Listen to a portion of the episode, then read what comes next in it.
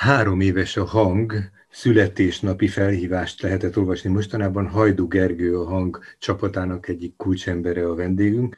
Szia! És arról kérdeznélek, hogy kezdjük azzal, hogy mi is az a gyűjtés, valamilyen születésnapi buliról van szó, valamilyen külön mostanában elhatározott közvetlen cél, vagy mi is a gyűjtéseteknek a célja? Hát alapvetően ritkán gyűjtünk saját magunknak. Ugye azt tudni kell, hogy nálunk egy csomó petíció, kampány fut, illetve hát pláne itt a pandémia alatt belecsúsztunk egyfajta, ha tetszik, karitatív tevékenységbe, ami azt jelenti, hogy gyűjtöttünk a Magyar Vörös Keresztnek, gyűjtöttünk a Civil Kollégium Alapítványnak, illetve az ő közösségeiknek, közösségszervezőiken keresztül jutott el egy csomó materiális és nem csak materiális segítség rengeteg településre. Fél évente csinálunk egy olyan kampányt, ami rólunk szól, és ami fenntarthatóságunkról, ha tetszik, és a, a, az egyik ilyen kampányunk az mindig februárban a születésnapunkhoz kapcsolódik, úgyhogy ez most ezért jelenhetett meg több felületen ez a gyűjtés.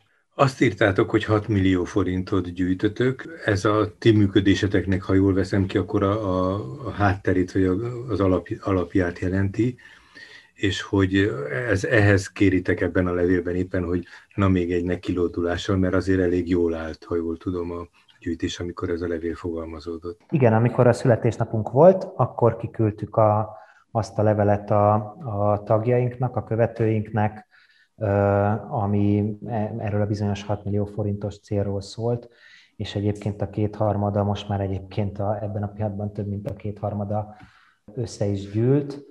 Gyakorlatilag szerintem holnap lehet, hogy meg lesz a 100% is, ami Aha. nagyon nagy dolog nekünk. Szóval múlt héten küldtük ezt a levet a szülőnapunk alkalmából, szerintem holnapra ez meg is lehet. Tehát a működésnek a lényege az, a, az, hogy hangot adni olyanoknak, akiknek nem nagyon van hangja, vagy nagyon halk a hangja, és ennek, ha jól veszem ki, a legnagyobb terepe, vagy a legnagyobb hangsúlya, az a különböző petícióknak, aláírásgyűjtéseknek a köre. Figyelj, ez, tehát hogy a felületen mindig egy petíció van nálunk. Ugye a petíció az nagyon sok mindenre alkalmas, meglepő vagy nem meglepő módon például arra is alkalmas, hogy az adott közösséget, aki elindítja a petícióját, hogy ő kapjon egyfajta visszacsatolást arról. Hogy bemutassa hogy egy kicsit köz, a közbeszéd részévé. Tehát, és hogy bemutassa azt, igen, bemutassa azt egy csomó embernek, hogy, hogy, hogy, hogy neki mi is a, az adott esetben a problémája, kérése, véleménye, és ez gyakran egy direkt visszacsatolás is egyébként. Tehát, hogyha most a legfrissebb az őrséggel kapcsolatos petíciónkat nézzük, amit már majdnem 18 ezer ember aláírt. Ez a MOL olaj, olajfúró tornyának a, igen, a igen, fúrása. Igen, igen.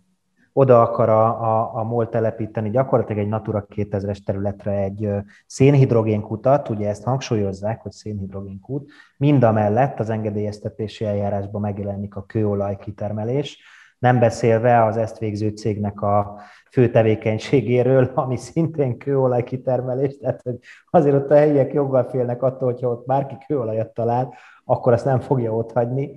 És visszatérve a kérdésre, én voltam most pont az őrségben múlt héten, találkoztam a helyiekkel, és, és azt pontosan látom és tudom, mert ők mondták, hogy, hogy, hogy nekik az nagyon sokat jelent, hogy ott van már lassan 18 ezer ember az ő petícióikon, és akkor ugye a petíció még arra is jó, hogy hát itt ugye gyakorlatilag e-mail címek vannak, irányítószámok és nevek, ebből nyilván a legfontosabb az e-mail cím, ez egy direkt kapcsolatot is jelent a petíció aláíróival. Tehát ha adott esetben mi érintetteket akarunk felkutatni, vagy a médiának kiajánlani, ajánlani egyéni személyes történeteket, akkor ezt nagyon könnyen, vagy jóval könnyebben tudjuk megtenni mondjuk, mint egy átlagos sajtó orgánum, mert ha valaki aláír egy petíciót, nem egy nagy belépési küszöb, de valamilyen viszonyulása nyilván van az adott ügyhöz. És ez gyakran olyan fajta viszonyulás, hogy akár saját maga is érintett valamilyen formában,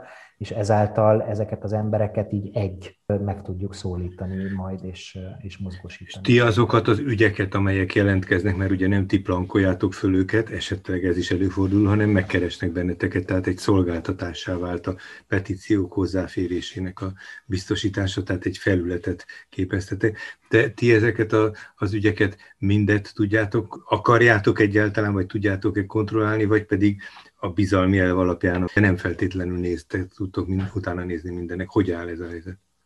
Ez pontosan úgy áll, ahogy most a végén mondtad, nem tudunk minden egyes ügynek utána nézni, tehát mi nyolcan vagyunk az a hangban, ennek van egy erős technológiai lába, ami a szervereket, a, az adatbiztonságot és egy csomó egyéb dolgot jelent, és vagyunk hárman úgynevezett kampányosok, akik a petíciókkal, a beérkező petíciókkal foglalkoznak ami azt is jelenti, hogy ehhez képest sokkal több ügy fut be hozzánk, és nem tudunk mindegyiknek úgy a végére járni, tehát döntéseket kell hozni. A döntések azok sok mindenem múlnak, múlik például azon, hogy mi a mi saját szervezeti stratégiánk adott esetben, ami például jelenti azt, hogy kiemelten fontos a környezetvédelem, kiemelten fontos az oktatás, és mondjuk a szociális ellátórendszer, vagy jóléti ellátások, akárhogyan is nevezzük. Tehát van néhány fő témánk, amivel kiemelten foglalkozunk, és ahhoz viszonyítjuk ugye a beérkező petíciókat. Hát magyarán akkor néha nemet kell mondani, néha azt kell mondani, hogy ezt nem vállaljuk, hogy ez nem fér bele a policingba, vagy egyáltalán a kapacitásunkba? Kellhet nemet mondani, igen, illetve inkább úgy mondanám, hogy nem tudunk minden egyes ügyből nagy, nagy ügyet, vagy nagy port felverni, és ez egy picit aztán, hát hogy is mondjam, múlik azokon az embereken is, akik elindítják ezeket a petíciókat. Hogy ők milyen munkát, mekkora szervezést tesznek bele az ügyükbe, azért az nagyon sokat számít. Mert azért nem csak számokkal dolgozunk, tehát nem az a lényeg nekünk feltétlenül, hogy 5000 ember írja alá, hanem, hanem akár adott esetben az is fontos, hogyha látszik egy valódi közösség egy ügy mögött, akkor még ha csak 500 aláírás is van rajta, vagy 1000, vagy akármennyi, ott van egy létező valódi közösség, akkor, akkor azzal már mi is inkább foglalkozunk, uh-huh. vagy szívesebben foglalkozunk, ha tetszik, mert, mert ezeket az ügyeket nem nekünk kell egyesével mindet megoldani. Mi ugye tudunk egy platformot biztosítani, adott esetben nagyobb sajtóvisszhangot, adott esetben segíteni a szervezést, a szerveződést, a fundraisinget, stb. De hogy mondjam, a másik oldalon, ahol ott van a petíció indító, hogyha ott látszik egy közösség is, vagy olyan elszánt emberek, akik nem csak az éterben elindítják a petíciót, hanem adott esetben meg is mutatják az arcukat és a véleményüket, akkor ez megint egy más helyzet. Tehát akkor jóval több ez, mint pusztán egy felület biztosítása, hogy itt lehet praktikusan gyűjteni. Valójában a kampányoknak az alakításában is komoly szerepetek van. Ezt mondtad most el valójában. Igen. Uh-huh.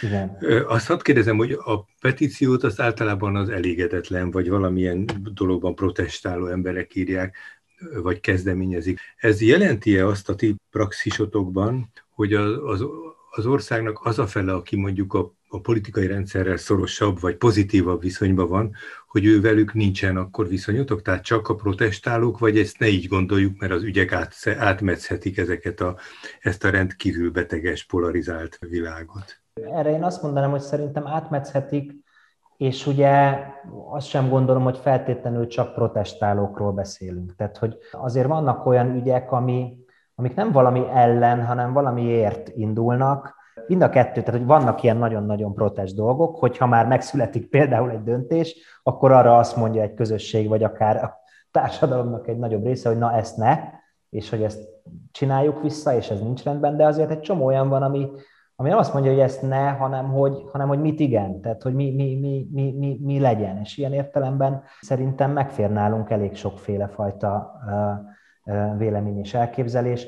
Nyilván az van, vagy hát az egy, egy adottság, hogy igazi húzása azoknak az ügyeknek van inkább, amik valami ellen tiltakoznak, amik valami már létező érzelemhez, vagy dühöz, vagy csalódottsághoz kapcsolódnak, de azért nem csak ilyen van nálunk. Persze, ezek a nehezebb ügyek, meg ezeket nehezebb sikerre vinni aztán, de most tehát ennek azért így a spektrum az nagyon széles, mert az álláskeresési járadék, hogy hat hónapra legyen meghosszabbítva a három helyet, igazából valójában az sem egy protest történet. Volt is ilyen, ugye a mai napig a legnagyobb örömmel utalunk vissza az ápolási díjjal kapcsolatos kampányunkra, ahol aztán pontosan tudjuk, hogy az érintetti kör az politikailag teljesen heterogén volt. És mégis ebben az egyben egyet tudtak érteni, hogy, hogy ezt fejleszteni kell, hogy ezzel, ezzel egyszerűen előre kell lépni. Ráadásul ez egy kormányokon átívelő probléma, mint egyébként oly sok ilyen közös ügyünk vagy problémánk az kormányokon átível és a Fidesztől független. De az ápolási díján például pont ez volt a jellemző, hogy ott az érintetti kör az nagyon-nagyon heterogén volt így politikailag, ideológiailag, és mégis közösen tudtak lépni és kampányolni például ebben az ügyben. Ez a petíció és az ahhoz kapcsolódó segítő tevékenység, ez a részvételiségnek a, a, egy nagyon fontos eszköze és nagyon fontos területe. Végül itt mondj egy pár dolgot, néhány számban, ha összefoglalható, hogy körülbelül ez alatt a három, három év alatt mennyi ügy volt, amivel tudtatok úgy érdemben foglalkozni, hogy nem kellett visszautasítani, hanem hogy beleszálltatok? Ez egy nagyon jó kérdés. Győzelem is egy nagyon relatív dolog, mert egy csomó esetben nem az van, hogy százszázalékosan az történik, ami, ami oda le van írva, de, de mondjuk egy olyan áttörés vagy eredmény történik, aminek így lehet örülni, és, és azt lehet mondani, hogy na ez tényleg így a kampánynak az eredménye. Szóval ebből volt összesen 43, azt hiszem, a három év alatt. Ha azt kérdezett, hogy hány kampányjal foglalkoztunk úgy, hogy nem csak egy online petíció volt, hanem voltak mögötte emberek, és ott volt mögötte a szervezésünk, akkor azért ezt legalább így négyszer, ötszörösére tennénk. Uh-huh. Tehát egy 200 ügyel, 200 különálló csoporttal, szervezettel, biztosan foglalkoztunk és kapcsolatban voltunk. Az elindulás óta, tehát három évvel ezelőtt óta, azon túl, hogy megerősödtetek, meg nyilván egy csomó minden tapasztalatot szereztetek, de volt-e, vagy van-e szükség valami jelentősebb korrekcióra, módosításra, vagy az eredeti legelhatározott célok egy az egyben ma is érvényesek? Az egyik, ami most így hirtelen eszembe jut, így a kérdésedre, az talán a petícióinknak a hitelességének a növelése. És igazából ez nem, ez nem nekünk fontos, ugye ezt pontosan tudjuk, hogyha valaki alá egy petíciót, akkor mondjuk úgy, hogy 99%-ban az aláírás mögött egy húsvér ember áll. Ahhoz, hogy a döntéshozókat még, hogy is mondjam, jobban, jobb belátásra bírjuk, így van, akkor lehet még fejleszteni a hitelességen mondjuk még magasabb belépési küszöböt állítunk egy petíció aláírása elé, ami egyébként csökkentheti a petíció aláírók számát adott esetben, de lehet, hogy van olyan ügy, ahol, ahol mondjuk egy döntéshozónak az számít, hogy ezt most tényleg nem tudom én, gárdonyi lakosok írták alá ennyien, vagy tényleg második kerületi lakosok, uh-huh. és így tovább.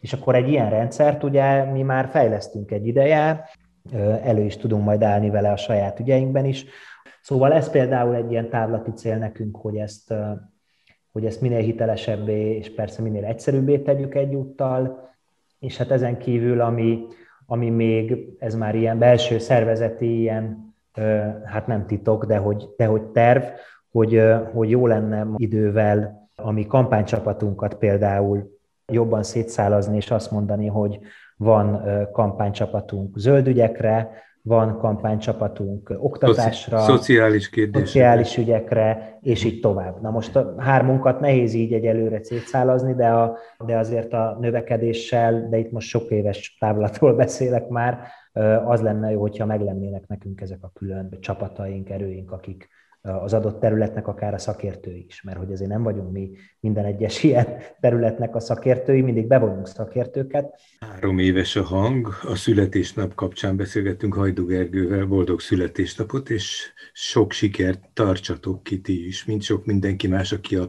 cselekvéssel foglalkozik.